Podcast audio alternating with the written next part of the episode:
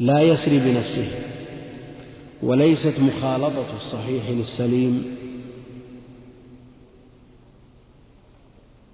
تسبب انتقال المرض بذاته وبنفسه إلى السليم. لكن هناك عدوى. المعاشرة والمخالطة سبب والناقل للمرض هو الله سبحانه وتعالى. فالمنفي بقوله عليه الصلاة والسلام لا عدوى كون المرض يتعدى ويسري بنفسه ويستقل بالسريان. والأمر بالفرار من المجذوم لأن المخالطة سبب في الانتقال والمسبب هو الله سبحانه وتعالى. هذا ظاهر مخالفة للقول الأول يعني ذاك منحى وذاك منحى. ماذا يترتب على القولين؟ يترتب على القولين أن على القول الأول إذا كان عندك مزيد ثقة وتوكل على الله سبحانه وتعالى وأنك لو أصبت ابتداء بهذا الداء أنك لا تلتفت إلى معاشرتك لهذا المريض ويجول بخاطرك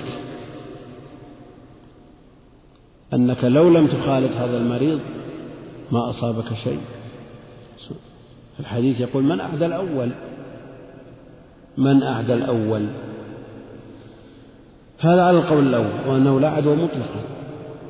فإذا قوي توكل الشخص يجلس مع المريض ويعاشر المريض ويأكل معه ويشرب. لكن إن أصيب ابتداء من غير عدوى وانتقال المرض المنفي في الحديث إن كان ممن يقوى توكله على تحمل مثل هذا المرض وعدم نسبة إصابته بالمرض إلى مخالطته للمريض فليفعل وإلا فليفر من المجذوم فراره من الأسد. على القول الثاني أن هناك حكم هناك تأثير. لكن المخالطة سبب. سبب مرتب على المخالطة.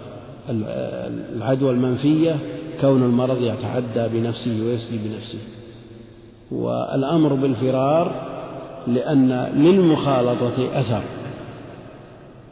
فالمخالطة سبب والمسبب هو الله سبحانه وتعالى.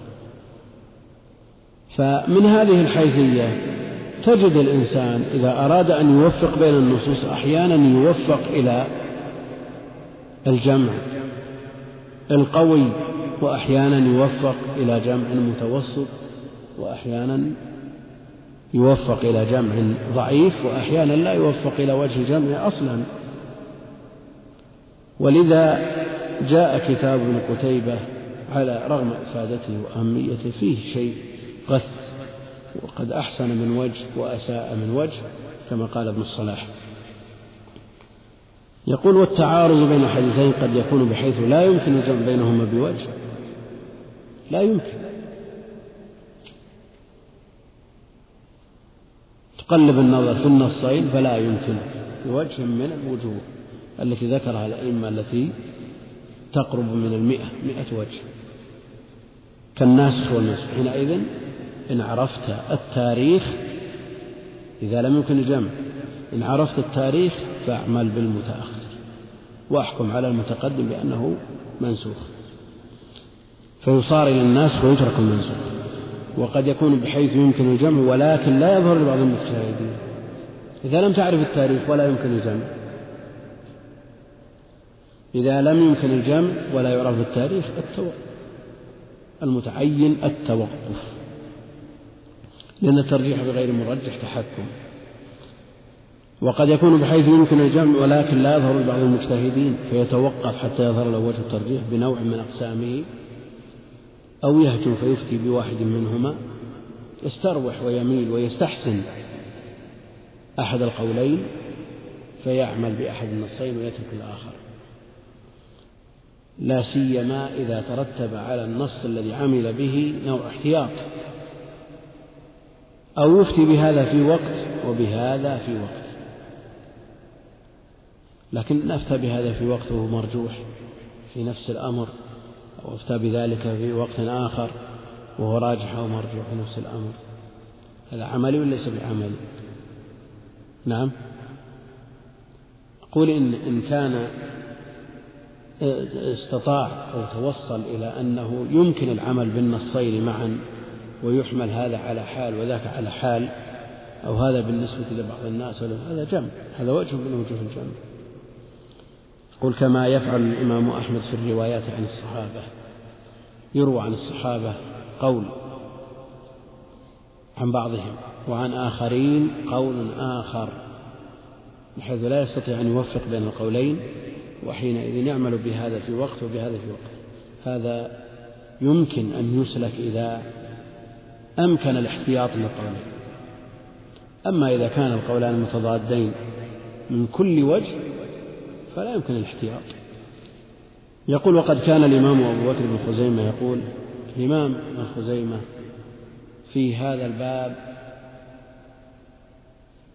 قل أن يوجد له نظير في باب اختلاف الحديث والتوفيق بين النصوص. يقول ليس ثم حديثان متعارضان من كل وجه.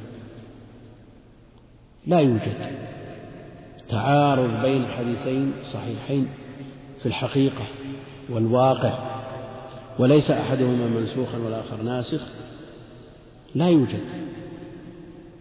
فالشريعة متآلفة متجانسة غير متضادة ولا متعارضة ولا متضاربة.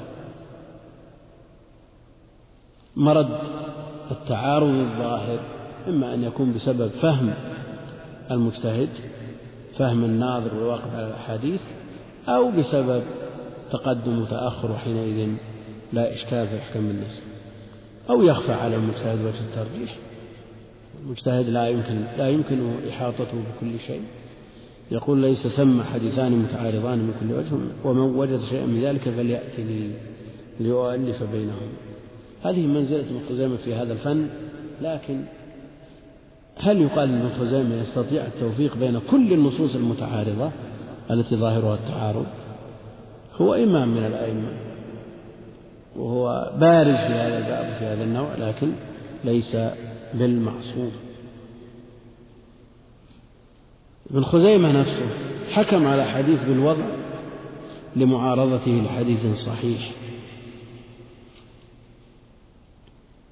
لا يؤمن لا يؤمن أحدكم أو ومن أم قوما فخص نفسه بدعوة دونهم وجاء النهي عن ذلك لا يؤمن أحدكم قوما فيخص نفسه بدعوة دونهم. يقول هذا حديث موضوع. لماذا؟ لأنه معارض لحديث أبي هريرة في الصحيحين وغيرهم. الرسول عليه الصلاة والسلام في دعاء الاستفتاح يقول اللهم باعد بيني وبين خطاياي. بيني وبين. ما قال بيننا؟ قال باعد بيني خص نفسه بدعوة دون المأمومين وقد ورد النهي عن أن يخص الإمام نفسه بالدعوة دون المأمومين وهذا في الصحيحين وذاك في السنن فحكم على الثاني بالوضع خفي عليه وجه الجمع. نعم خفي عليه وجه الجمع. وهناك مسالك للجمع بين الحديثين. شيخ الإسلام رحمه الله تعالى يقول النهي عن تخصيص النفس بالدعاء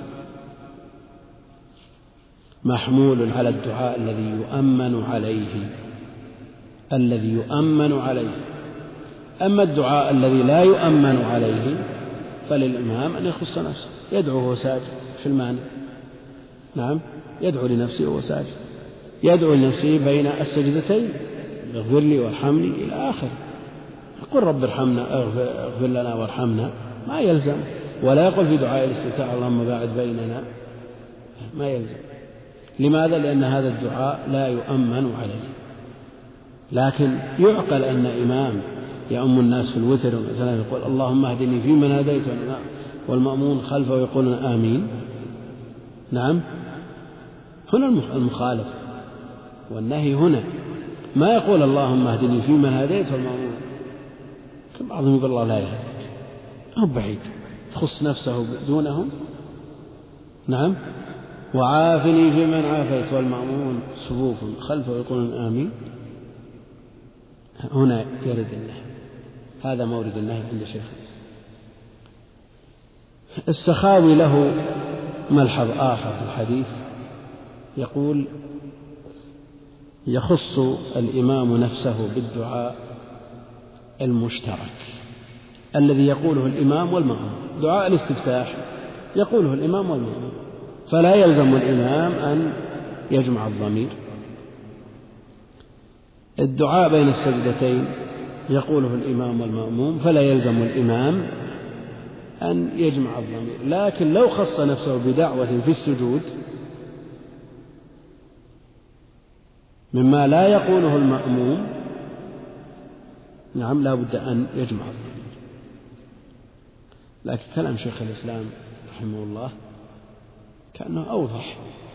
نعم. كأنه أوضح.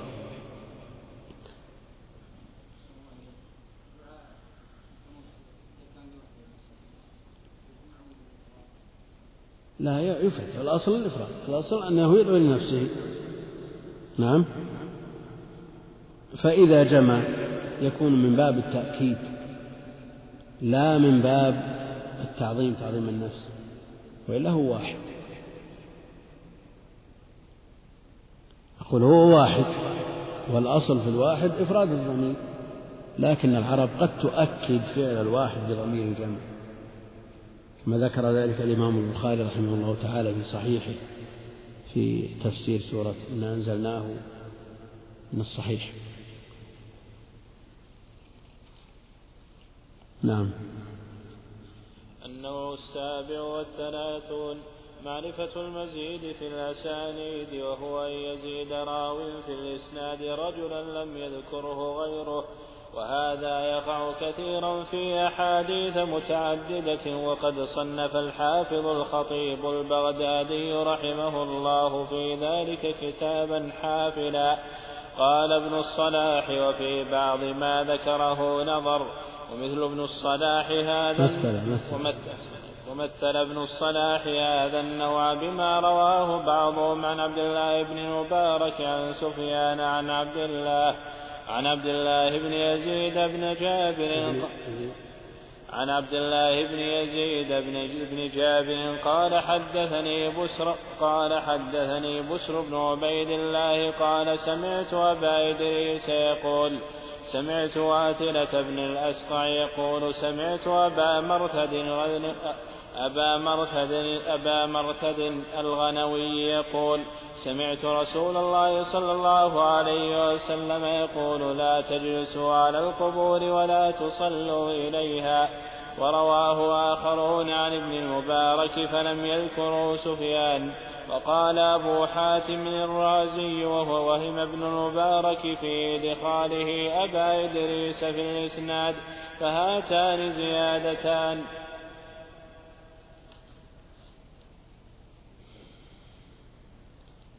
اقرأ النوع الثامن والثلاثون عشان بينهم ارتباط وثيق. النوع الثامن والثلاثون معرفة الخفي من المراسيل وهو يعم المنقطع والمعضل أيضا. وقد صنف الخطيب البغدادي في ذلك كتابه المسمى بالتفصيل يبهم المراسيل. وهذا النوع إنما يدركه نقاد الحديث وجهابذته قديما وحديثا. وقد كان شيخنا الحافظ المزي إماما في ذلك وعجبا من العجب فرحمه الله وب فرحمه الله وبل, بالمغر وبل بالمغفرة تراه. فإن الإسناد إذا عرض على كثير من العلماء ممن لم يدرك ثقات الرجال وضعفائهم قد يغتر بضعفهم فإن كتب إن الإسناد إذا عرض على كثير من العلماء ممن لم يدرك ثقات الرجال وضعفاءهم قد يغتر بظاهره. ويرى رجاله ثقات فيحكم بصحته ولا يهتدي لما فيه من الانقطاع أو الإعضال أو الإرسال لأنه قد لا يميز الصحابي من التابعي والله الملهم للصواب. ومثل هذا النوع ابن الصلاح رحمه الله بما ومثل هذا النوع ابن الصلاح بما روى العوام بن حوشب عن عبد الله بن أبي أوفى قال كان رسول الله صلى الله عليه وسلم إذا قال بلال قد قامت الصلاة نهض وكبر. قال الإمام أحمد لم يلق العوام بن لم يلق العوام بن أبي أوفى. يعني فيكون منقطعا بينهما فيضعف الحديث لاحتمال أنه رواه عن رجل ضعيف عنه والله أعلم. هذان النوعان متقابلان. معرفة المزيد في متصل الأسانيد ومعرفة الخفي من المراسيل.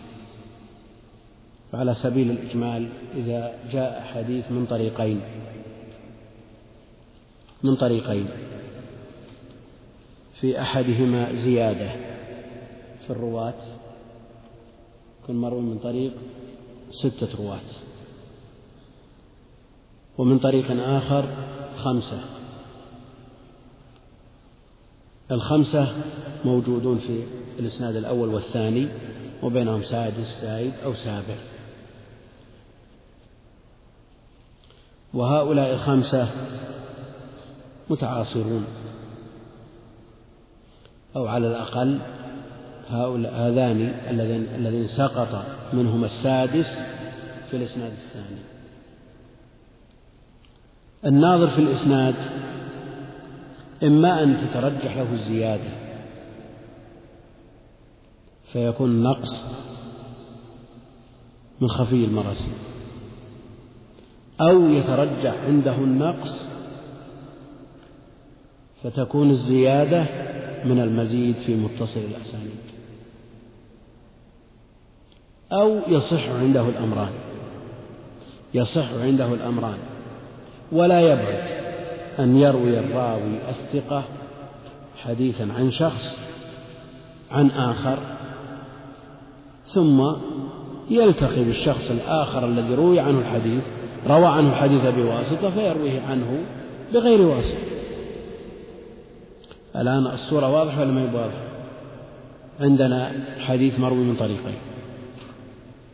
أحد الطريقين الوسائط ستة بينه وبين الرسول عليه الصلاة والسلام. والطريق الثاني الوسائط خمسة. الناظر في هذين الطريقين وهو من أهل النظر.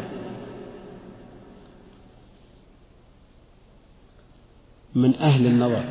إن ترجح عنده الإسناد الناقص خمسة. كيف يترجح؟ بالقرائن كما هو معروف. ترجح عنده الإسناد الناقص. فيكون السادس المذكور في الإسناد الأول من المزيد في متصل الأسانيد. إن ترجح عنده الإسناد الزايد الستة يكون الثاني من خفي المراسيل إن ترجح عنده الأمر ثبت عنده الأمران لأنه قد يثبت الأمر وليس بمستحيل. أن يرد الحديث من طريق ستة ومن طريق خمسة ليس بمستحيل. وهذا متصور جدا تروي عن شخص عن آخر في بلد آخر ثم تسافر أو تلتقي به بحج أو غيره الذي الذي رويت عنه بواسطة فتروي عنه مباشرة. هذا واضح. فيصح الأمران وحينئذ لا يحكم بأن ذاك زايد ولا ناقص. هذا من حيث الإجمال. معرفة المزيد في متصل الأسانيد وهو يزيد راوي في إسناد رجل لم يذكره غيره مثل ما نظرنا هذا السادس الذي ذكر في الإسناد الأول ما ذكره غيره في الإسناد الثاني. وهذا يقع كثيرا في أحاديث متعددة.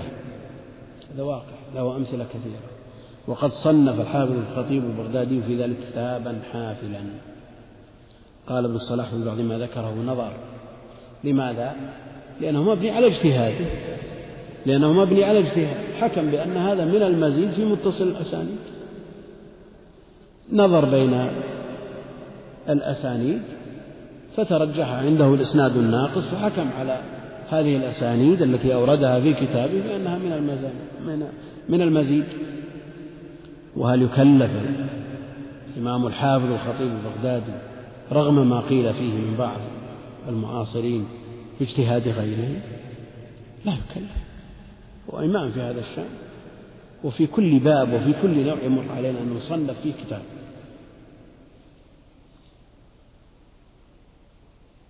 ويقال عنه ما يقال. والله المستعان. وفي بعض ما ذكره نظر لا بد أن يوجد نظر. الإمام الدار قطني في بعض ما ذكره نظر. أبو حاتم الرازي في بعض ما ذكره نظر. أحد يخلو من النظر؟ من يعرف؟ أفي أحد يعرف؟ في بعض ما ذكره نظر صحيح. لأنه قد يظهر للمجتهد الثاني خلاف ما ظهر للخطيب. فيكون فيه حينئذ نظر من هذه الحيثية. وقد يظهر للخطيب ما لم يظهر للدار قطني فيكون في اجتهاد. الدار قطني نظر. وليس هناك أحد معصوم وأحد محيط بالعلم كله أبدا والله المستعان. مثل ابن الصلاح؟ هذا النوع بما رواه بعضهم عن عبد الله بن المبارك عن سفيان عن عبد الله بن يزيد بن جابر. حدث قال حدثني بشر بن عبد الله سمعت أبا إدريس يقول سمعت واثلة بن الأسقع قال سمعت أبا مرثد الغنوي يقول سمعت رسول الله صلى الله عليه وسلم يقول لا تجلسوا على القبور أو تصلوا إليها. الحديث مخرج في صحيح مسلم. رواه آخرون عن ابن المبارك فلم يذكروا سفيان. مباشرة. عبد الله بن المبارك عن عبد الله بن يزيد. وقال أبو حاتم الرازي وهم ابن المبارك في إدخاله أبا إدريس في الإسناد. فيكون هناك زيادة. رواه الآخرون عن ابن المبارك عن عبد الله بن يزيد بن جابر قال حدثني بسر بن عبد الله يقول سمعت واثلة قال سمعت أبا مرثد فسقطت من يرجح الإسناد الأول؟ الذي معنا الذي مثل به الصلاح الذي يرجح هذا الإسناد الذي فيه الاثنان معا يحكم على الثاني بأنه مرسل خفي والذي يرجح الإسناد الثاني يحكم على الأول بأنه مزيد في متصل الإسناد وبهذا تتضح الصورة. الآن الصورة فيها خفاء. نأتي إلى معرفة الخفي من المراسل. يقول هو فيه شيء ما درى ما رأى خرج الحافظ عن ابن عمر ما يخالف لكنه حديث هذا حديث أبي مرثد في مسلم. مروي من طريقين. كلام في حديث أبي مرثد. معرفة الخفي من المراسيل يقول هو يعم المنقطع والمعضل أيضا. عندنا الانقطاع من أسباب الضعف من أسباب ضعف الخبر الانقطاع في إسناده. والانقطاع نوعان ظاهر وخفي. الظاهر أنواع يشمل المعلق الذي حذف من مبادئ إسناده من جهة المصنف راو أو أكثر ولو إلى آخر الإسناد. المنقطع الذي سقط من أثناء إسناده راو واحد أو أكثر من من راوي لا على التوالي. المعضل الذي سقط من إسناده أكثر من راوي راويان فصاعدا على التوالي المقصود من أثناء الإسناد لأنه سقط اثنان على التوالي من مبادئ الإسناد صار معلقا. المرسل الذي يرفعه التابعي إلى النبي عليه الصلاة والسلام وهذا على قول الأكثر. وإلا هناك تعريفات لهذه الأنواع تعرضنا لها في وقتها. لكن القسمة هنا الأصلية ثنائية. ظاهر وخفي. الظاهر قسمته رباعية. الخفي ينقسم إلى قسمين. الخفي ينقسم إلى قسمين. لأن للراوي مع من يروي عنه حالات. إذا وقفت على إسناد. في فلان عن فلان. لا يخلو إما أن يكون فلان الثاني لقي الأول وسمع منه. أولا إما أن يكون سمع منه. وهذا أخص الخصوص. أو يكون لقيه ولم يسمع منه.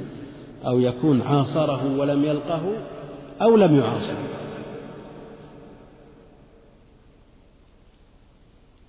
الحالات أربعة. في احتمال غير هذه الأربعة. سمع منه أو لقيه ولم يسمع منه أو عاصره ولم يلقه أو لم يعاصره. صح ولا لا؟ في احتمال خامس. نعم. في صورة يمكن أن تصور خامسة. إذا سمع الراوي عمن إذا إذا روى الراوي عمن سمع منه ما لم يسمعه منه بصيغة موهمة. هذا يسمى إيش؟ تدليس. إذا روى الراوي عمن سمع منه أحاديث ما لم يسمعه منه يعني هذا الحديث ما سمعه. بصيغة موهمة كالعنعنة مثلا. هذا إيش؟ تدليس اتفاقا. الصورة الثانية إذا روى الراوي عمن لقيه. يعني لم يثبت سماعه منه. هناك في الصورة الأولى ثبت سماعه منه لأحاديث. لكن هذا الحديث على وجه الخصوص لم يسمعه منه. إذا روى الراوي عمن لقيه ولم يثبت أنه سمع منه إذا لقيه ثبت لقاؤه له. ما لم يسمعه منه بصيغة موهمة هذه أيضا تدليس. إذا روى الراوي عمن عاصره عمن عاصره ولم يثبت لقاؤه له بصيغة موهمة كالعنعنة يصير من نوع. لا المرسل الخفي. المرسل الخفي. وهذا هو الفرق بين المرسل الخفي والتدليس. لأن بعضهم لا يفرق وحينئذ يقع في إشكال كبير. يقع في إشكال كبير. لو قلنا أن الرواية عن مجرد المعاصر تدليس لا ما سلم من التدليس. المقصود أن الصورة الرابعة إذا روى شخص عمن لم يعاصره هذا الراوي مات سنة مئة والذي روى عنه ولد سنة مئة وعشرة. هل نقول تدليس؟ نعم. ظاهر ظاهر. سقط ظاهر انقطاع ظاهر. ليس بتدليس ولا بإسلام خفي فلنكن على ذكر من هذه الصور وفصلناها فيما مضى. فصلناها فيما مضى ولذا فقوله يعم المنقطع والمعضل أيضا. المعضل الساقط من اثنان. فكيف يكون من من خفي المراسيل اللهم إلا في صورة واحدة لو أسقط المعاصر في حالة من روى عنه وقد عاصره أسقط واسطته حينئذ هو معضل في الحقيقة لكنه باعتباره خفي مرسل خفي. وقد صنف الخطيب البغدادي في ذلك كتابه المسمى بالتفصيل لمبهم المراسيل. وهذا النوع إنما يدركه نقاد الحديث وجهابذته قديما وحديثا مثل التدريس مع كل يدركه. إيش يدريك أنت أن هذا ما, ما روى هذا الحديث عن هذا الشخص؟ نعم. ما الذي يدريك؟ أنه ما روى. هو لقيه على أقل الأحوال عاصره احتمال أن يكون لقيه والاحتمال الثاني ما لقيه. ولذا لا يدرك هذا النوع إلا نقاد الحديث وجهابذته قديما وحديثا. ليدخل مثل شيخه. نعم وقد كان شيخنا الحافظ المزي إماما في ذلك وعجبا من العجب. كررها مرارا وأثنى على الحافظ المزي. في مواضع وهو أهل لأن يثنى عليه. أهل بل هو فوق ما ذكر رحمه الله. لكن من الحافظ من كثير وهو زوج ابنته نعم في كل موضع يشيد به. هو أهل بل فوق ما يذكره الحافظ بن كثير. والله المستعان. يقول فرحمه الله وبل بالمغفرة ثراه. يعني له له أمثال يدركه أئمة جهابذة مثل الحافظ المزي بل فوقه. لكن كونه ينص على الحافظ المزي في كل المواضع ويغفل غيره هذه ما تسلم من الحياز وإن كان الحافظ المزي فوق ما ذكر. يقول فإن الإسناد إذا عرض على كثير من العلماء كثير ومن العلماء أيضا ممن لم يدرك ثقات الرجال وضعفاء هل نستطيع أن نقول من العلماء؟ وهم لا يدركون الثقات من الضعفاء. ها؟ هذول ليسوا ليسوا من أهل والمقصود العلم بهذا الشأن. قد يغتر بظاهره ويرى رجاله ثقات وما يدرك هل هم ثقات أم ضعفاء كيف يرى أنهم ثقات؟ فيحكم بصحته ولا يهتدي لما فيه من الانقطاع.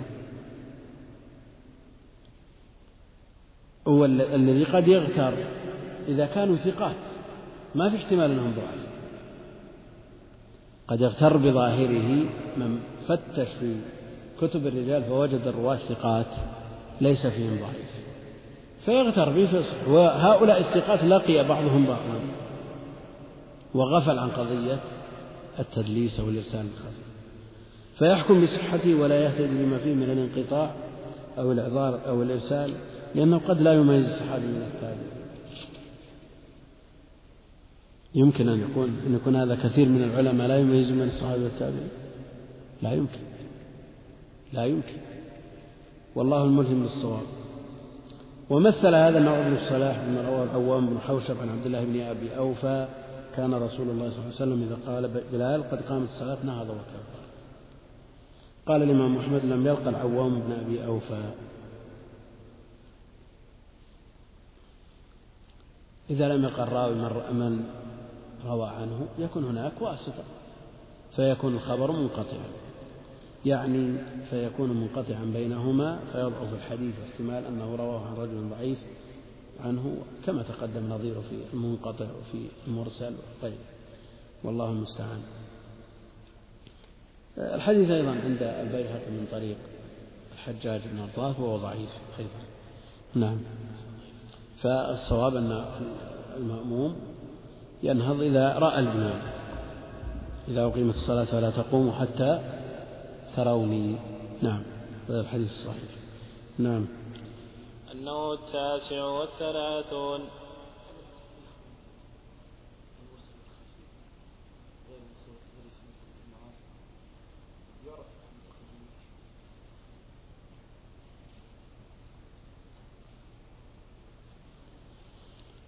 بعضهم يخلط.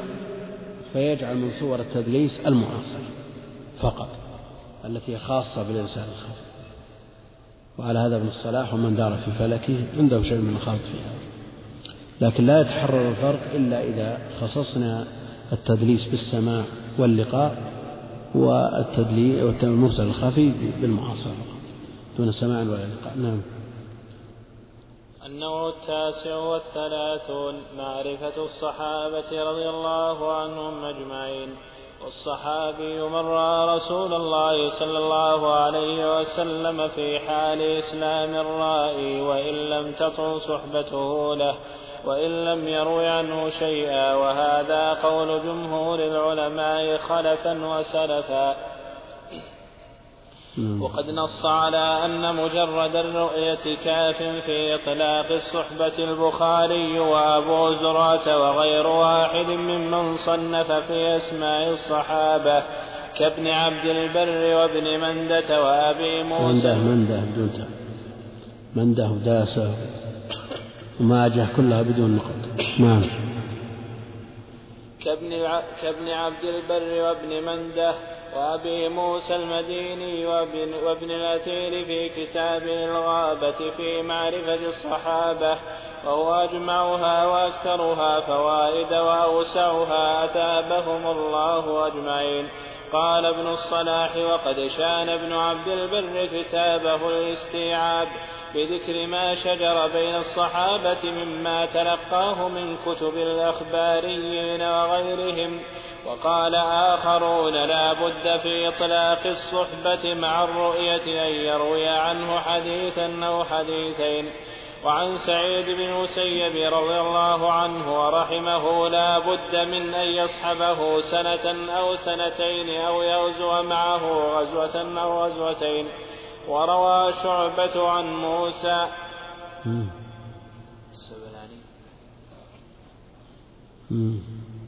بالباء وبالياء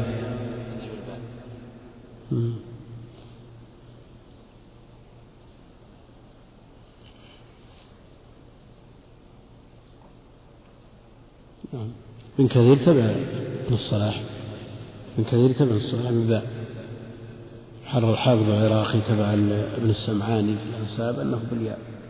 المثنات نعم.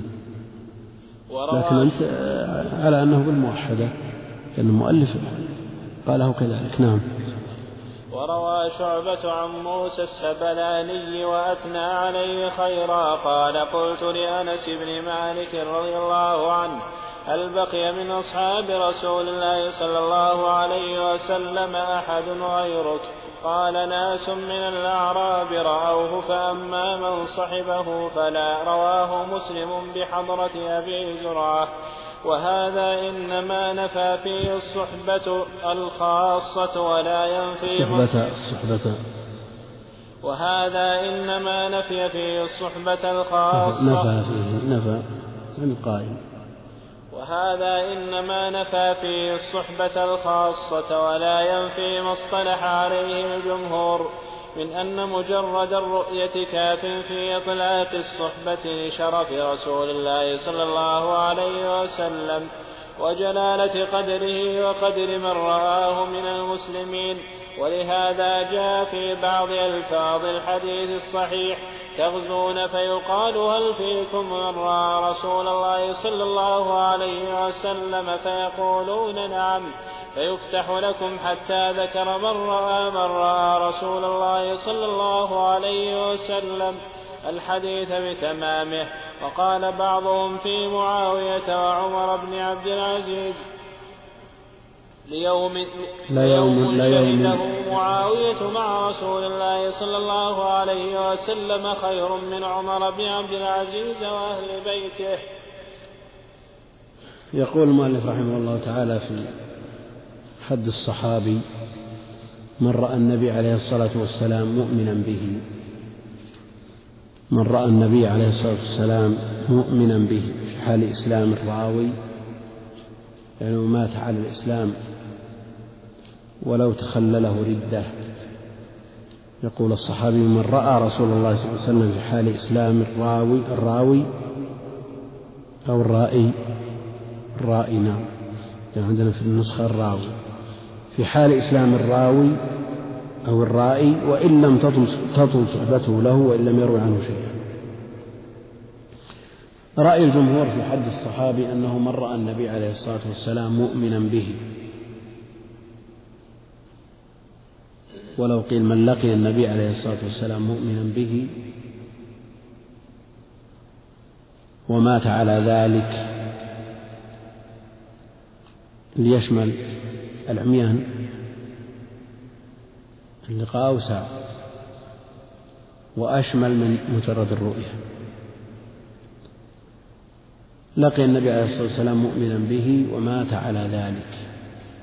ولو تخلله ردة. لو ارتد ورجع إلى الإسلام مات على الإسلام فهو صحابي.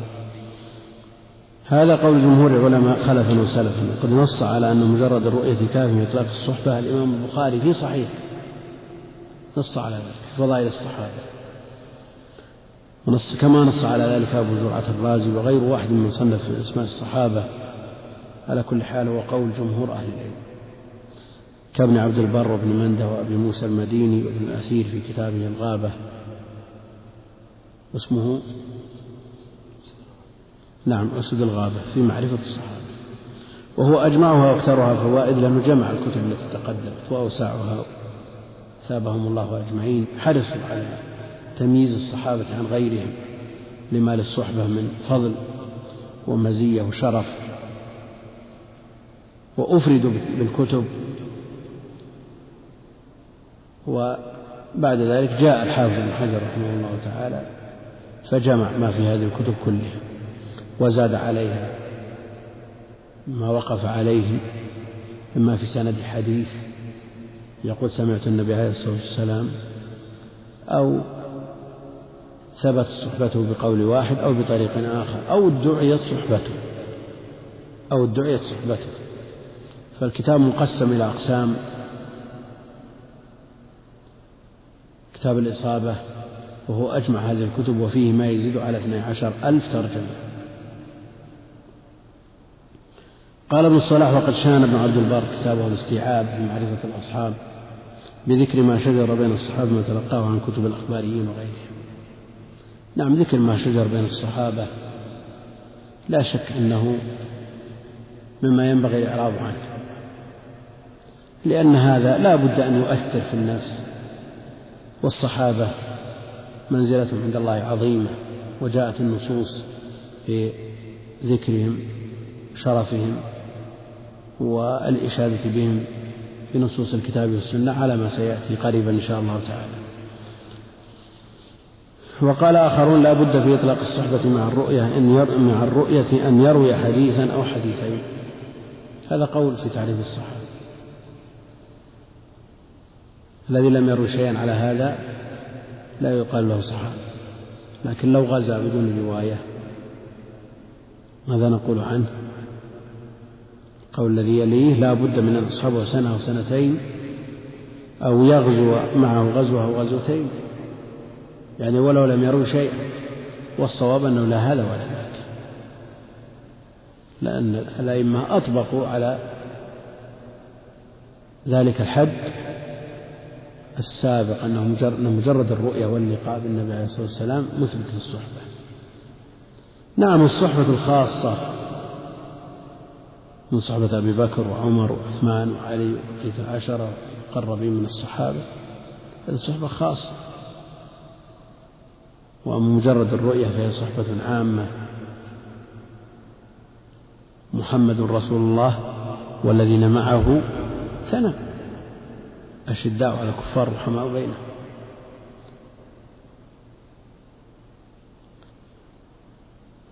سعيد بن المسيب يقول لا بد من أصحابه سنة أو سنتين إن صح عنه وإلا ففي ثبوته عنه نظر.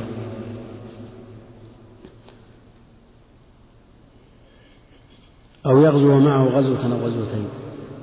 المقصود أنها تثبت صحبته إما برواية أو بغزوة أو بشهادة ثقة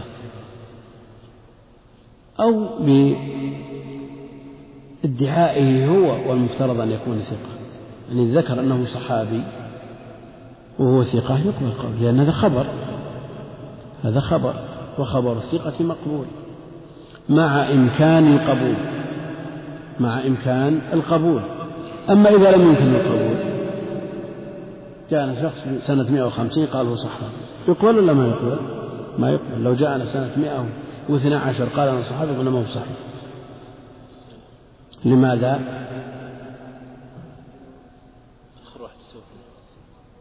نعم هذا الحديث. يقول إذا أمكن قبول الدعوة من شخص ثقة ثبتت صحبته على ما سيأتي فيما تثبت به الصحبة.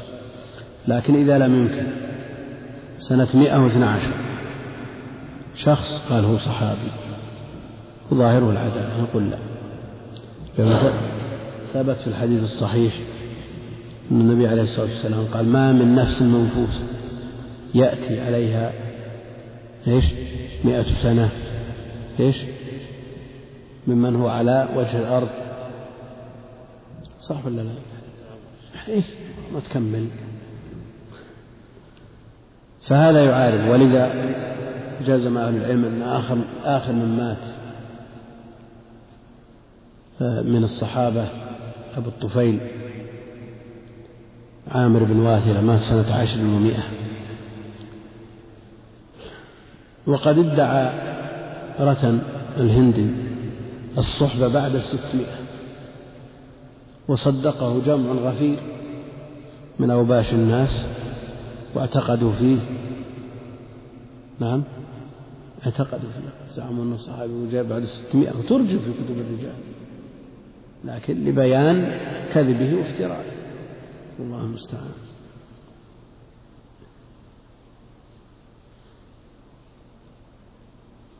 روى شعبة عن موسى السبلاني السيلاني أثنى عليه وأثنى عليه خيرا قال قلت لأنس بن مالك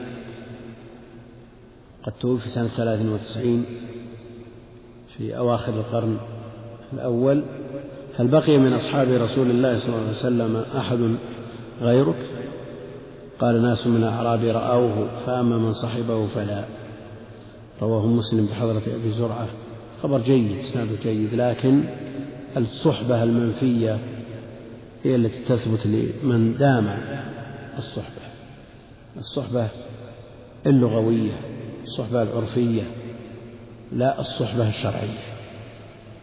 الصحبة العرفية. يعني شخص لقيته في الشارع تقول هذا صاحب لي نعم. أو جمعك به مجلس واحد لمدة ساعة أو نصف ساعة تقول هذا صاحب. نعم. عرفا ليس بصاحب. فهذا المنفي في هذا الخبر. أما الصحبة المحررة للصحابة عند عند جمهور أهل العلم فتثبت بمجرد الرؤية. وهذا إنما نفى فيه الصحبة الخاصة ولا ينفي ما اصطلح عليه الجمهور من أن مجرد الرؤية كاف في إطلاق الصحبة. لشرف رسول الله صلى الله عليه وسلم جلالة قدره وقدر من رآه من المسلمين ولهذا جاء في بعض ألفاظ الحديث تغزون حديث صحيح مخرج الصحيحين وغيرهما تغزون فيقال هل فيكم من رأى رسول الله صلى الله عليه وسلم؟ فيقولون نعم فيفتح له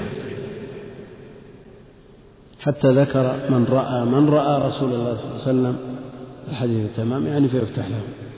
وقال بعضهم في المفاضلة بين معاوية رضي الله عنه وعمر بن عبد العزيز ومنزلة عمر بن عبد العزيز بين التابعين معروفة ومنزلة معاوية من الصحابة معروفة. فبعضهم قد يتراءى له مع ما اتصف به عمر بن عبد العزيز من العلم والزهد والورع نقاء السيرة. ما قد يجعله يفضل على بعض الناس ممن خاض في بعض الأمور التي تورع عنها كثير من الصحابة في قتال وحروب وتولى أعمال. نعم. المقصود أن بعض الناس قد يتراءى له تفضيل بعض الناس على على من هو دونه من وجهة نظره. ويغفل عن السبب المؤثر في الترجيح. الصحبة لا يعدلها شيء. ولذا لما قال النبي عليه الصلاة والسلام خيركم قرني ثم الذين يلونهم ثم الذين يلونهم دل على أن الصحابة هم أفضل الناس على الإطلاق. فلا يمكن أن يوجد في التابعين ولو أفضل التابعين هويس القرني أو سعيد بن المسيب أفضل من أقل الصحابة شيخا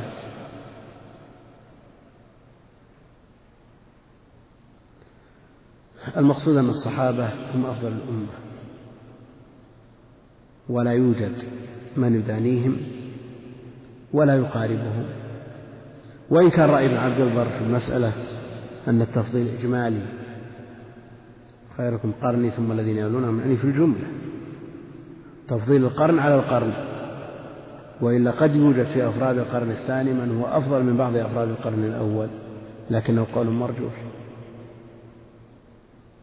وقد جاء في الحديث صحيح للعامل بسنة النبي عليه الصلاة والسلام في آخر الزمان أجر خمسين من الصحابة.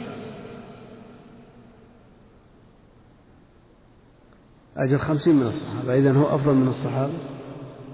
نعم. قد يكون أفضل في هذا العمل. على وجه الخصوص الذي عمله. لكن شرف الصحبة قدر لا يشاركهم ولا يدانيهم فيهم أحد.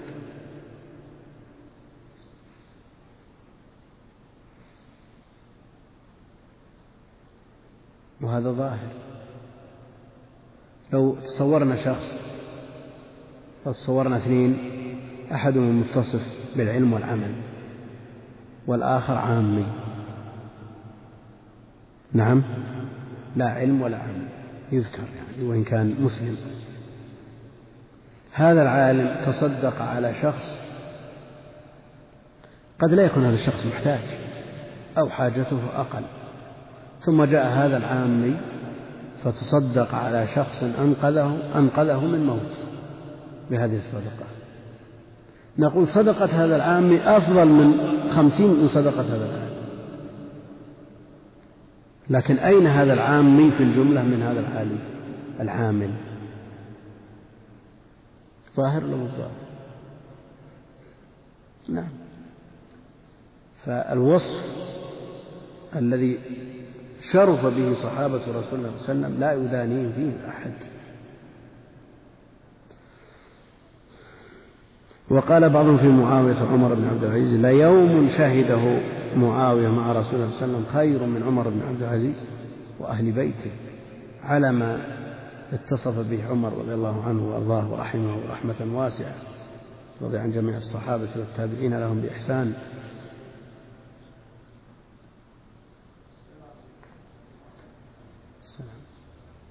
لا شك أن المتقدم له شأن التقدم في الزمن له شأن. العلماء السابقون لا يلحقهم ولا يدانيهم من جاء بعدهم. فالفضل للمتقدم ولولا المتقدم ما حاز المتأخر شيء. بواسطة الصحابة انتقل لنا الدين ولولا الصحابة ما وصل إلينا الدين. كيف يصل إلينا؟ بطريق منقطع؟ فلهم الفضل علينا والفضل أولا وآخرا لله سبحانه وتعالى. لكن لهم فضل. حفظوا الدين ونقلوه إلى من بعدهم وبلغوه ولم يألوا جهدا في تبليغ الناس تبليغه للناس. وعلمهم لا شك أنه قليل كلام قليل لكنه علم مبارك. بخلاف العلم عند المتأخرين الكلام كثير لكن البركة قليلة. ومن نظر في كتاب فضل علم السلف على الخلف الحافظ بن رجب عرف أقدار الرجال. ومن عرف حال أبي بكر الإسماعيلي كما قال الحافظ الذهبي جزم يقينا أن المتأخرين على يأس تام من لحاق المتقدمين. لكن ما يمنع أن يوجد في القرن الثالث أو الرابع أو الخامس شخص أفضل من أهل القرن الثاني. لكن في الجملة أهل القرن الثاني أفضل من أهل القرن الثالث وهكذا.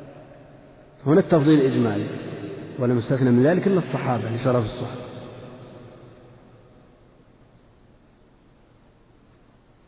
وإذا أردنا المفاضلة مثلا بين شيخ الإسلام ابن تيمية مثلا أو الإمام أحمد أو مالك أو الشافعي أو حنيفة ماذا نقول؟ أيهم أفضل؟ إيش؟ إحراج. ما في إحراج ها؟ رشيد رضا محمد رشيد رضا سئل هذا السؤال. فيهم أفضل شيخ الإسلام ابن تيمية أو أعلم شيخ الإسلام والأئمة الأربعة؟ قل باعتبار أنه تخرج على كتبهم وكتب أتباعهم فلهم الفضل عليهم. وباعتبار أنه أحاط بكتب وكتب أتباعهم فهو أعلم من هذه الحيثية. لكن يبقى أن الحافظ بن رجب رحمه الله أورد كلام مقتضاه أن من يفضل مثل شيخ الإسلام على الإمام أحمد نعم يلزم منه أنه يفضل المتأخر على المتقدم عموما. لماذا فضل شيخ الإسلام؟ لكثرة كلامه في العلم نعم. فجعلت الإمام أحمد مفضول لقلة كلامه. إذا فضل الإمام أحمد على من قبله على الصحابة. كم يحفظ لأبي بكر بالنسبة للعلم لما حفظه الإمام أحمد من السنة؟ يلزم عليه لوازم باطلة. فيعرف للناس أقدارهم شيخ الإسلام إمام ومن جاء بعده أئمة وجاء قبله هم هم الأئمة على التحقيق؟ نعم فرع فرع والصحابة كلهم عدول عند أهل السنة والجماعة لما أثنى الله عليهم في كتابه العزيز. وبما نطقت به السنة النبوية في المدح لهم في جميع أخلاقهم وأفعالهم وما بذلوه من الأموال والأرواح بين يدي رسول الله صلى الله عليه وسلم رغبة فيما عند الله من الثواب الجزيل والجزاء الجميل. وأما ما شجر بينهم بعده عليه الصلاة والسلام فمنه ما وقع عن غير قصد كيوم الجمل ومنه ما كان عن اجتهاد كيوم صفين. والإجتهاد يخطئ ويصيب ولكن صاحبه معذور وإن أخطأ ومأجور أيضا. وأما المصيب فله أجران اثنان وكان علي وأصحابه أقرب إلى الحق من معاوية وأصحابه رضي الله عنهم أجمعين. وقول المعتزلة الصحابة عدول إلا من قاتل عليا قول باطل مردود ومردود. وقد ثبت في صحيح البخاري رحمه الله عن رسول الله صلى الله عليه وسلم أنه قال عن ابن ابن بنتي الحسن بن علي وكان معه على المنبر إن ابني هذا سيد وسيصلح الله به بين فئتين عظيمتين من المسلمين. وظهر مصداق ذلك في نزول الحسن لمعاوية عن الأمر بعد موت أبيه علي رضي الله عنه. فاجتمعت الكلمة على معاوية وسمي عام الجماعة وذلك سنة أربع. وسمي عام. سمي العام عام الجماعة. وسمي عام الجماعة وذلك سنة أربعين من الهجرة فسمي الجميع فسمى الجميع مسلمين. وقال تعالى وإن طائفتان من المؤمنين اقتتلوا فأصلحوا بينهما فسماهم مؤمنين مع الاقتتال ومن كان من الصحابة مع معاوية يقال لم يكن في الفريقين مات من الصحابة وعن أحمد ولا ثلاثون والله أعلم وجميعهم صحابة فهم عدول كلهم وأما طوائف الروافض وجه وأما طوائف الروافض وجهلهم وقلة عقلهم ودعواهم أن الصحابة كفروا إلا سبعة عشر صحابيا وسموهم فهو من الهذيان بلا دليل إلا مجرد الرأي الفاسد عن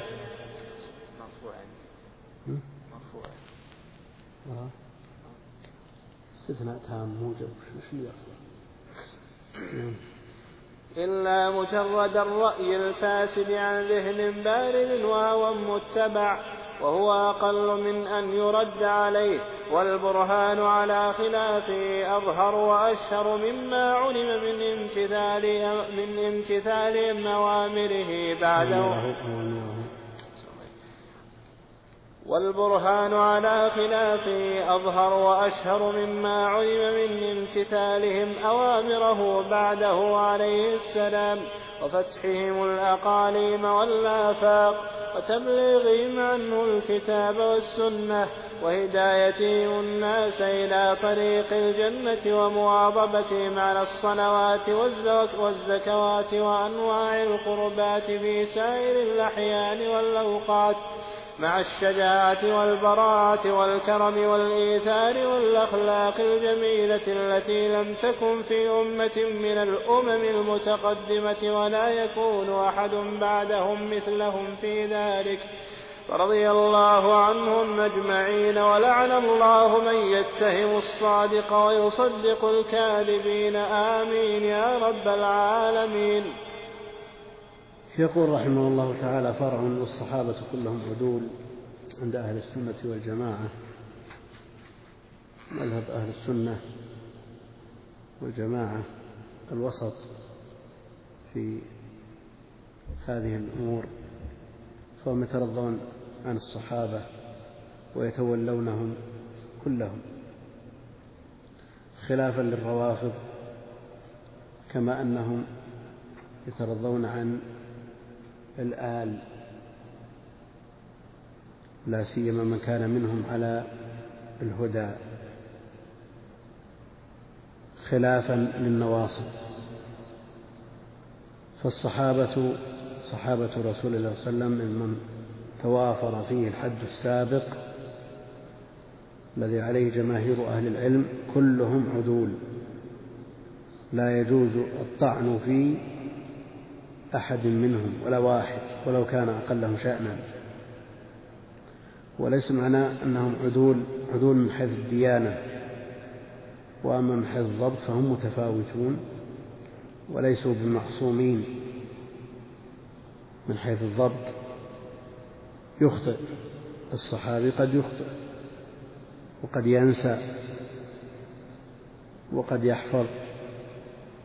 وأخبارهم في ذلك معروفة ليسوا بمعصومين لكنهم من حيث العدالة كلهم عدول.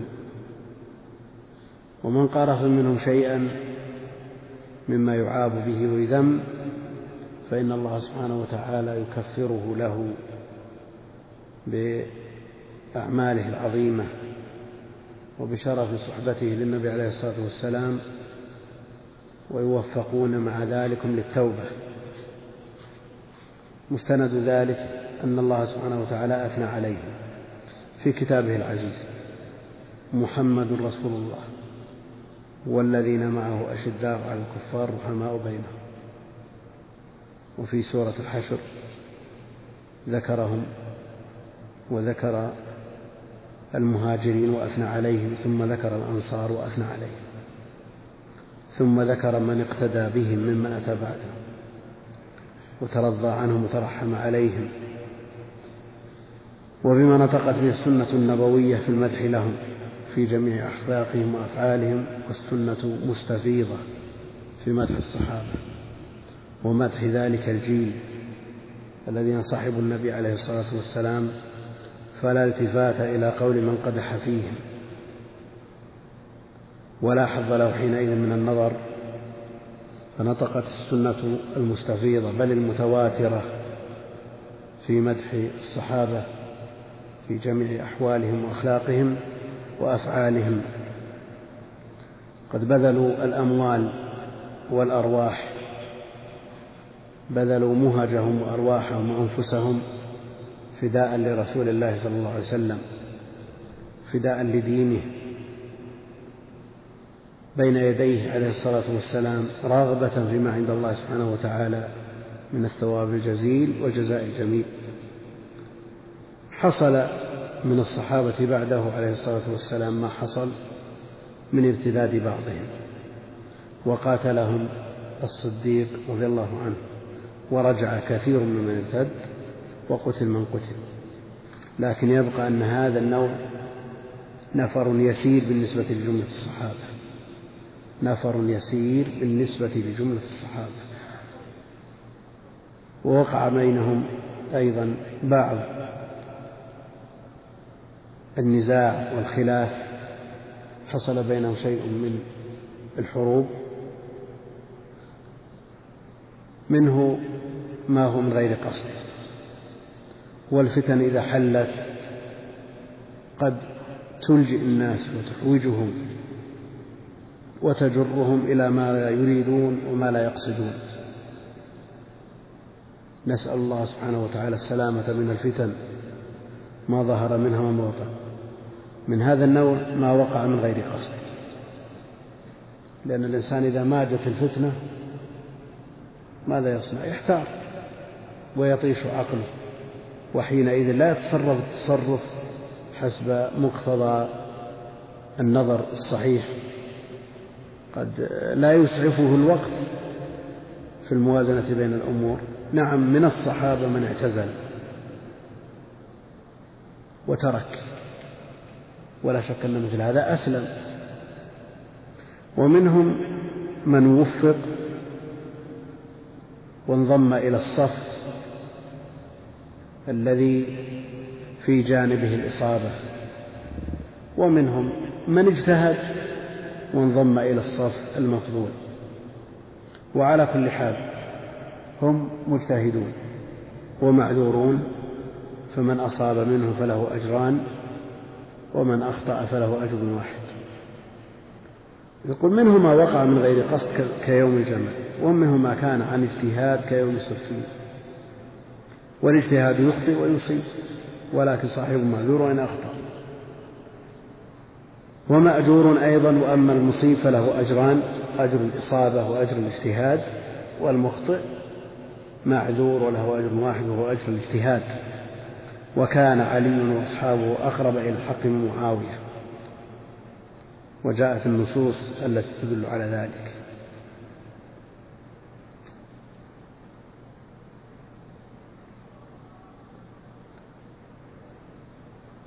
وقول المعتزلة الصحابة عدول من قاتل عليا مقتضاه أن معاوية من قاتل معه ليسوا بعدول لكن هذا قول باطل مرذول ومردود ولا التفات له. والمعتزلة في هذا الباب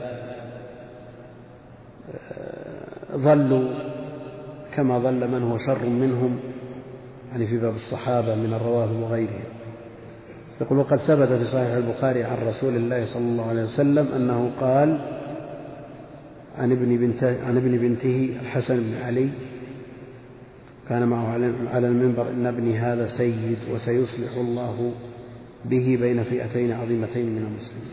وقد وقع والله تنازل لمعاوية عن الأمر واستتب الأمر لمعاوية وكلهم مسلمون. ومدح بالتنازل لمعاوية. وسمي سماه النبي عليه الصلاة والسلام صلح والصلح خير ولو لم يكن معاوية صحابي وأهل للخلافة والولاية وأن خلافته شرعية لما مدح من تنازل له.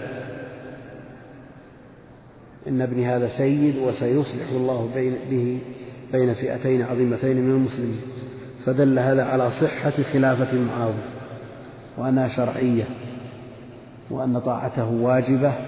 نعم هو في وقت علي رضي الله عنه مخطئ لكنه مجتهد رضي الله عن الجميع وأرضاه. وظهر مصداق ذلك في نزول الحسن لمعاوية عن الأمر بعد موت أبيه علي واجتمعت الكلمة على معاوية. بعد اجتماع الكلمة لا يجوز لأحد ولا يسوغ له بوجه أن يخرج على من اجتمعت له الكلمة واستتب له الأمن ولو كان عبدا حبشيا فضلا عن كونه صحابيا. وسمي عام الجماعة وذلك في سنة أربعين من الهجرة فسمى, فسمى الجميع مسلمين بين فئتين عظيمتين من المسلمين. قال الله جل وعلا وإن طائفتان من المؤمنين اقتتلوا فأصلحوا بينهم. اقتتل. ومع ذلك هم مؤمنون بنص القرآن. فالقتال سواء كان بين الصحابة أو بين غيرهم لا يخرجهم عن دائرة الإيمان مع الاقتتال. ومن كان من الصحابة مع معاوية يقال لم يكن في الفريقين مئة من الصحابة. في الفريقين لا مع معاوية ولا مع علي. لم يكن في الفريقين الصحابة وإنما الفريقان جمع من مجتمع الناس الذين اجتمعوا الذين حرضوا على قتل عثمان رضي الله عنه والذين يطلبون بثأره فحصلت الفتنة وطاشت العقول فحصل ما حصل بسبب ذلك والله المستعان. وأما طوائف الروافض الذين يزعمون أن الصحابة ارتدوا بعد النبي عليه الصلاة والسلام. جهلهم ولجهلهم وقلة علمهم دعواهم الباطلة في أن الصحابة كفروا إلا سبعة عشر صحابيا لأن هؤلاء الصحابة هم خواص علي رضي الله عنه. يريدون بذلك أن يبينوا أن هؤلاء الذين قاتلوا عليا والذين لم ينصروه كلهم كفار نسأل الله العافية. كلهم مرتدون وهؤلاء الروافض يظهر من تصرفاتهم عدم قصد الحق وإلا لو بحثوا عن الحق لوجدوه وقولهم يترتب عليه هدم الدين بالكلية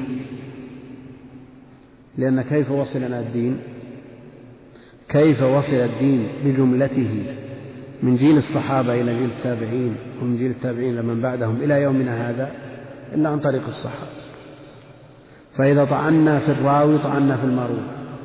كيف تقبل رواية مرتد؟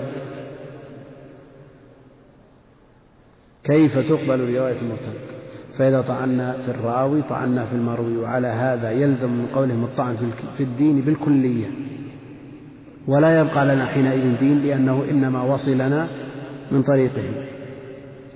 يقول فهو من هذان بلا دليل إن مجرد الرأي الفاسد عن ذهن بارد. لا نقول عن ذهن بارد بل صدر عن كيد للإسلام. وباب الرفض مدخل واسع كما قال شيخ الإسلام دخل معه كل زنديق يكيد للإسلام وأهله. يقول وهو أقل من أن يرد وقد تولى شيخ الإسلام رحمة الله عليه الرد عليهم تفنيد مزاعمهم ودعاويهم وإبطال أدلتهم في كتابه العظيم الذي لا يستغني عنه طالب علم لا سيما في مثل هذه الأيام وهذه الظروف والأحوال التي رفع الروافض فيها رؤوسهم. كتابه منهاج السنة في الرد على ابن المطهر الحلي. يقول والبرهان على خلافه أظهر وأشهر مما علم من امتثالهم أوامره بعده عليه الصلاة والسلام فتحهم الأقاليم والآفاق تبليغهم عنه الكتاب والسنة وهداية الناس إلى طريق الجنة. هذا أمر مستفيض لا يحتاج إلى استبعاد مواظبتهم على الصلوات والزكوات وأنواع القربات في سائر الأحيان والأوقات في زمنه عليه الصلاة والسلام وبعده. مع الشجاعة والبراعة والكرم والإيثار وعرفنا أنهم قدموا أنفسهم فداء لدينهم ونبيهم عليه الصلاة والسلام. اشتملوا على الأخلاق الجميلة التي لم تكن في أمة من الأمم المتقدمة ولا يكون أحد بعدهم مثلهم في ذلك فرضي الله عنهم أجمعين. ولعن الله من يتهم الصادق ويصدق الكاذبين. يقول حفظ كبير آمين يا رب العالمين وصلى الله وسلم وبارك على عبده ورسوله نبينا محمد وعلى آله وصحبه أجمعين. سم. الحمد لله رب العالمين وصلى الله وسلم وبارك على نبينا محمد وعلى آله وصحبه أجمعين. اللهم اغفر لنا ولشيخنا والسامعين برحمتك يا أرحم الراحمين. قال الإمام الحافظ ابن كثير رحمه الله رحمه الله تعالى في النوع التاسع والثلاثون. ثلاثين والثلاثين. في النوع, في النوع التاسع والثلاثين. وأفضل الصحابة بل أفضل الخلق بعد الأنبياء عليهم الصلاة والسلام. أبو بكر عبد أبو بكر عبد الله بن عثمان التيمي خليفة رسول الله صلى الله عليه وسلم وسمي بالصديق لمبادرته إلى تصديق الرسول صلى الله عليه وسلم قبل الناس كلهم. قال رسول الله صلى الله عليه وسلم ما دعوت أحدا إلى الإيمان إلا كانت له كبوة إلا أبا بكر فإنه لم يتلعثم وقد ذكرت سيرته وفضائله ومسنده والفتاوى عنه في مجلد على حدة ولله الحمد. ثم من بعده عمر بن الخطاب رضي الله عنه ثم عثمان بن عفان ثم علي بن أبي طالب رضي الله تعالى عنهم أجمعين. هذا رأي المهاجرين والأنصار حين جعل عمر الأمر من بعده شورى بين ستة. فانحصر في عثمان وعلي واجتهد فيهما عبد الرحمن بن عوف ثلاثة أيام بلياليها حتى سأل النساء. بلياليها حتى سال النساء في قدورهن والصبيان في المكاتب فلم يروهم يعدلون بعثمان فلم يرهم. عبد الرحمن بن عوف. فلم يرهم يعني عبد الرحمن بن عوف. فلم يرهم يعدلون بعثمان أحدا فقدمه على علي وولاه الأمر قبله.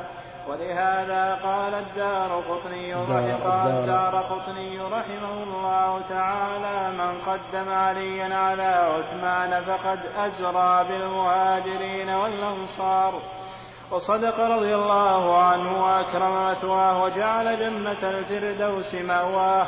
والعجب أنه قد ذهب بعض أهل الكوفة من أهل السنة إلى تقديم علي على عثمان. ويحكى عن سفيان الثوري لكن يقال إنه رجع عنه ونقل مثله عن وكيع بن الجراح ونصره ابن خزيمة والخطابي وهو ضعيف مردود بما تقدم. ثم بقية العشرة ثم أهل بدر ثم أهل أحد ثم أهل بيعة الرضوان يوم الحديبية. وأما السابقون الأولون فقيل هم من صلى القبلتين وقيل من صلى القبلتين. إلى إلى صلى إلى.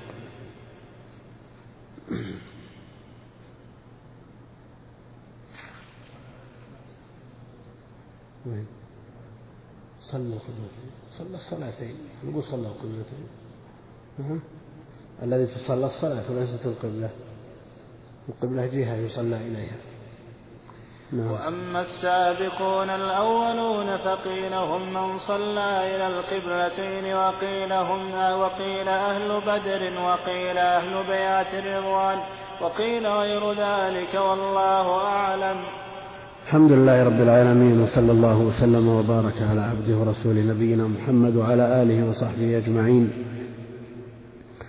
لما ذكر المؤلف رحمه الله تعالى في, في هذا النوع المهم الذي ينبغي لطالب العلم أن يعتني به تعريف الصحابي وما للصحابة من حقوق. ذكر رحمه الله تعالى بعد ذلك أفضل الصحابة بادئا بالعشرة ثم من يليهم على الترتيب فقال أفضل الصحابة يعني على الإطلاق بل أفضل الخلق بعد الأنبياء عليهم السلام أبو بكر. عبد الله بن عثمان أبي قحافة التيمي خليفة رسول الله صلى الله عليه وسلم الصديق. سمي بذلك من مبادرته إلى تصديق الرسول عليه الصلاة والسلام قبل الناس كلهم. صدقه رضي الله عنه صدق النبي عليه الصلاة والسلام في أمور لم تحتملها عقول كثير من الناس. وبادر إلى التصديق فاستحق هذا اللقب وأنزل من الإسلام بهذه المنزلة. بعض الناس إذا رأى الأعمال الظاهرة وما ينقل عن الصحابة وعن الخلفاء استروح ومال من خلال هذه النقول ما يتعلق بالأعمال الظاهرة إلى تفضيل عمر. لا شك أن عمر له مواقف كثيرة وذكره قد يفوق ذكر أبي بكر في كثير من الأمور الظاهرة. وأبو بكر رضي الله عنه ما فاق الناس بكثرة الصيام والصلاة إنما فاقهم بما وقر في قلبه وهذا أمر يغفل عنه كثير من الناس ومثله ما ذهب إليه بعضهم من تفضيل علي رضي الله عنه لنباهة ذكره بين الصحابة ولقربه من النبي عليه الصلاة والسلام على عثمان. ولم يلتفتوا إلى أن الميزان هو القلب وهذا أمر خفي لا يطلع عليه. لكن إذا وجد النص قضى على كل قول فالنص المستفيض عن النبي عليه الصلاة والسلام بل الذي قد يصل إلى حد التواتر أن النبي عليه الصلاة والسلام ذكر أفضل الأمة وأنه أبو بكر رضي الله عنه ثم عمر ثم عثمان ثم ربع بعلي رضي الله عنه في حديث ابن عمر وغيره في الصحيحين. قال رسول الله صلى الله عليه وسلم ما دعوت أحدا إلى الإيمان إلا كانت له كبوة إلا أبا بكر فإنه لم يتلعثم بادر. دعي إلى الإسلام فأجاب. ولذا هو أول من أسلم من الرجال كما هو معروف. يقول الحافظ ابن كثير رحمه الله تعالى وقد ذكرت سيرته وفضائله ومسنده والفتاوى عنه في مجلد على حدة. والأمر يحتمل أكثر من ذلك. إذا درس أبو بكر رضي الله عنه من جميع الجهات فكل نوع وفرع من أنواع المعرفة يحتاج إلى مجلد.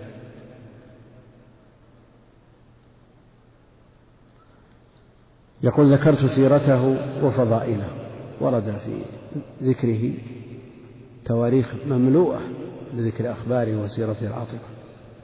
فضائله أيضا النصوص دلت على ذلك وفيها كثرة أيضا. وإذا خرجت هذه النصوص جاءت في مجلد. مسنده أيضا وما رواه من الأحاديث على أنه لم يكن من المكثرين لكنه روى جملة صالحة من السنة وحفظها. والفتاوى عنه نقل عنه في هذا الباب بل هو من سادات الموقعين عن الله سبحانه وتعالى وقد ذكره ابن القيم وغيره في صدر من يفتي بعد النبي عليه الصلاة والسلام. يقول الفتاوى عنه في مجلد على حدة ولله الحمد مع أن الأمر يحتمل مجلدات. ثم بعده عمر بن الخطاب رضي الله عنه. ثم عثمان ثم علي بن أبي طالب. هذا قول جماهير أهل السنة كلهم على هذا الترتيب. ولا شك أن الذي يقدم على أبي بكر أحدا كائنا من كان أنه ليس من أهل السنة ولا يؤس بقول ولا ضعيف عند أهل السنة. فأهل السنة كلهم مجمعون على تقديم أبي بكر ثم عمر. والخلاف في الثالث مع أن القول المخالف قول ضعيف مرجوح. فالثالث عند جماهير أهل السنة وعثمان رضي الله عنه.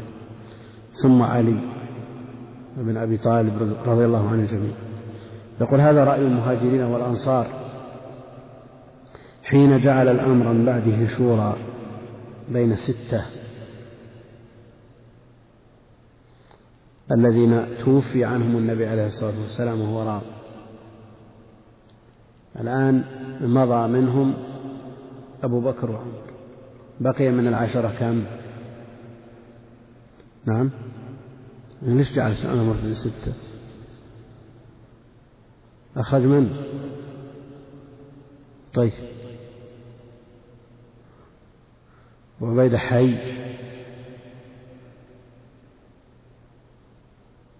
ها؟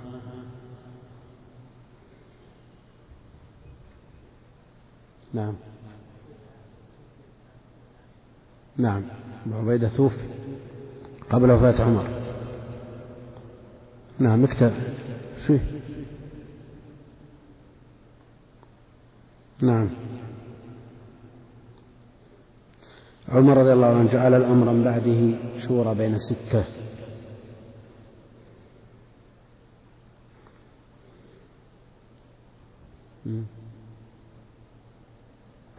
نعم.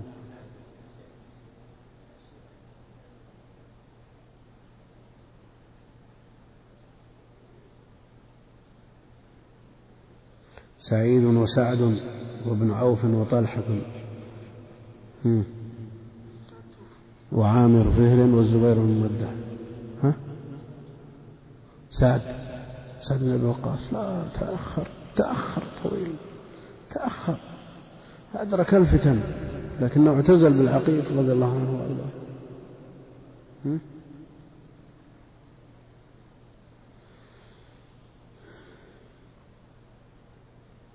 المقصود أن الأمر انحصر بين هؤلاء الستة في عثمان وعلي رضي الله عنهم شاهد عبد الرحمن بن عوف ثلاثة أيام بلياليها. حتى سأل النساء في خدورهن والصبيان في المكاتب ولم يرهم يعدلون بعثمان أحدا. لكن الشخص الذي ينظر إلى المظاهر والمواقف نعم. مثل ما تقدم في المفاضلة بين أبي بكر وعمر. عمر رضي الله عنه صاحب شدة وبأس وقوة وحزم. وفي هذا الباب ما في شك أنه يلفت. وعلي كذلك بالنسبة لعثمان لكن من يعدل بعثمان غيره؟ مع وجوده. تستحي منه الملائكة. وسابقته معروفة. وما قدمه للإسلام أمر لا يخفى على أحد. وبذله في نصر الدين تجهيز الجيوش لا يخفى على صبيان المكاتب. فقدمه على علي. وولاه الأمر قبله على أنه جاء في النصوص ما يدل على الترتيب لهؤلاء الأربعة.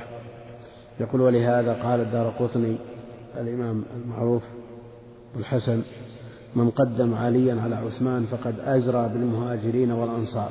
لا شك أنه متنقص لهم متنقص له. لأنهم قدموا عثمان على علي فمن قدم غير ما قدموه فقد تنقصهم ورأى أن قولهم غير صواب ورأى أن قولهم ليس بصائب بل قول مرجوح وهذا تنقص. وصدق رضي الله عنه وأرضاه وأكرم مثواه وجعل جنته في الفردوس مأواه. والله المستعان. والعجب يقول حافظ بن كثير أنه قد ذهب بعض أهل الكوفة من تقديم من أهل السنة إلى تقديم علي على عثمان ولا شك أن هذا من تأثير البيئة. تقديم علي على عثمان من قبل بعض أهل الكوفة لأن علي رضي الله عنه استوطن الكوفة كثر أنصاره وأتباعه فيها وحفظت مناقبه فيها أكثر من غيره. فاستروح بعضهم ومال إلى تقديمه على عثمان وهذا محكي عن سفيان الثوري. لكن يقال إنه رجع عنه ونقل مثله عن وكيع بن الجراح ونصره بن خزيمة والخطابي وهو قول ضعيف مردود ما تقدم بما ثبت من النصوص الصحيحة الصريحة التي تدل على فضل عثمان وأنه أفضل من علي رضي الله عن الجميع وليس معنى هذا أن المفضول متنقص لا. وجود مثل هذا الخلاف يدل على أن الترجيح لأن هذه الفضائل وهذه المزايا وهذه المناقب زادت على الطرف الآخر مما يدل على أن للطرف الآخر من المناقب والمزايا الشيء الكثير.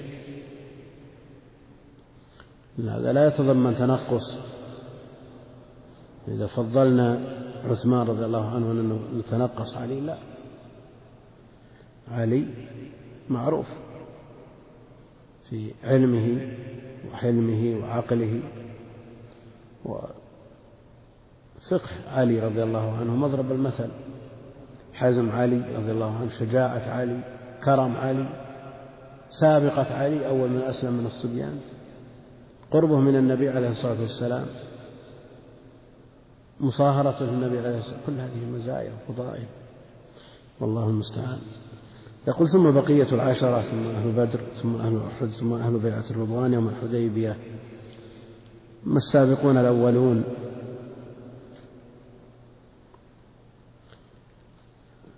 اختلف فيهم.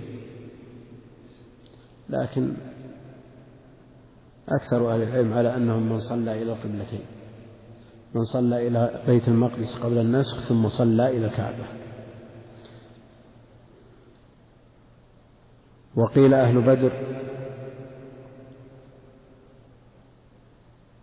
وقيل أهل بيعة الرضوان وجاء من النصوص ما يدل على فضل أهل بدر كما جاء في النصوص ما يدل على أهل بيعة الشجرة.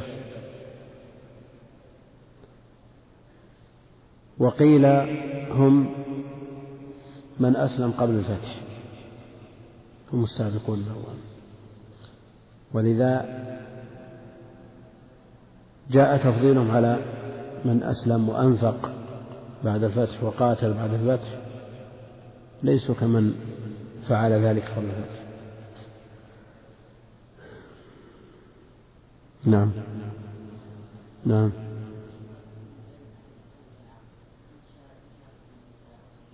لا لا لا الذي النساء والصبيان وعامة الناس ودهماءهم لا علاقة لهم بهذه الأمور. لا علاقة لهم بهذه الأمور. نعم. لا فعبد الرحمن بن عوف آه، هو من أجل أن ينظر يستقرئ هذه المناقب لأن بعضهم يحفظ ما لا يحفظه الآخر. يستقرئ هذه المناقب التي هي مأثورة عن النبي عليه الصلاة والسلام. أما عامة الناس ودهماؤهم وفساقهم وغيرهم هذا لا قيمة لهم لأن الخلافة ولاية شرعية ولاية شرعية ولا يدرك ما ينبغي أو ما يشترط للوالي وللخليفة إلا أهل العلم. نعم؟ وإلا لو ترك الأمر فوضى ترشيح كانت القبائل لها دور كثرة وقلة كانت الآراء والأهواء أيضا لها دور في ترشيح الناس. لكن الأمر متروك لأهل الحل والعقد من أهل العلم ينظرون من تتوافر فيه الشروط المطلوبة لمن يلي أمر المسلمين. وهذا معروف أنه في حال الانتخاب والترشيح. نعم أما في حال الغلبة والقهر فإذا غلب الناس بسيفه واستتب له الأمر وثبت له ثبت له الخلاف فإنه لا يجوز الخروج عليه كائنا من كان ولو كان عبدا حبشيا ولو لو لم تتوافر فيه الشروط على أن يحكم الناس بشرع الله.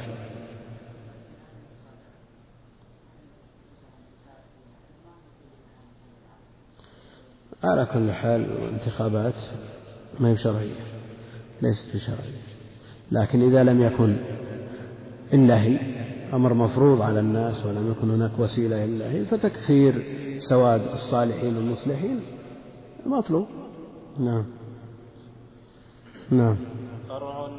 قال الشافعي روى قال الشافعي رحمه الله تعالى روى رسول الله صلى الله عليه وسلم ورآه من المسلمين نحو من ستين ألفا وقال أبو زرعة الرازي شهد معه حجة الوداع أربعون ألفا وكان معه بتبوك سبعون ألفا وقبض عليه الصلاة والسلام عن مئة, عن مئة ألف وأربعة عشر ألفا من الصحابة.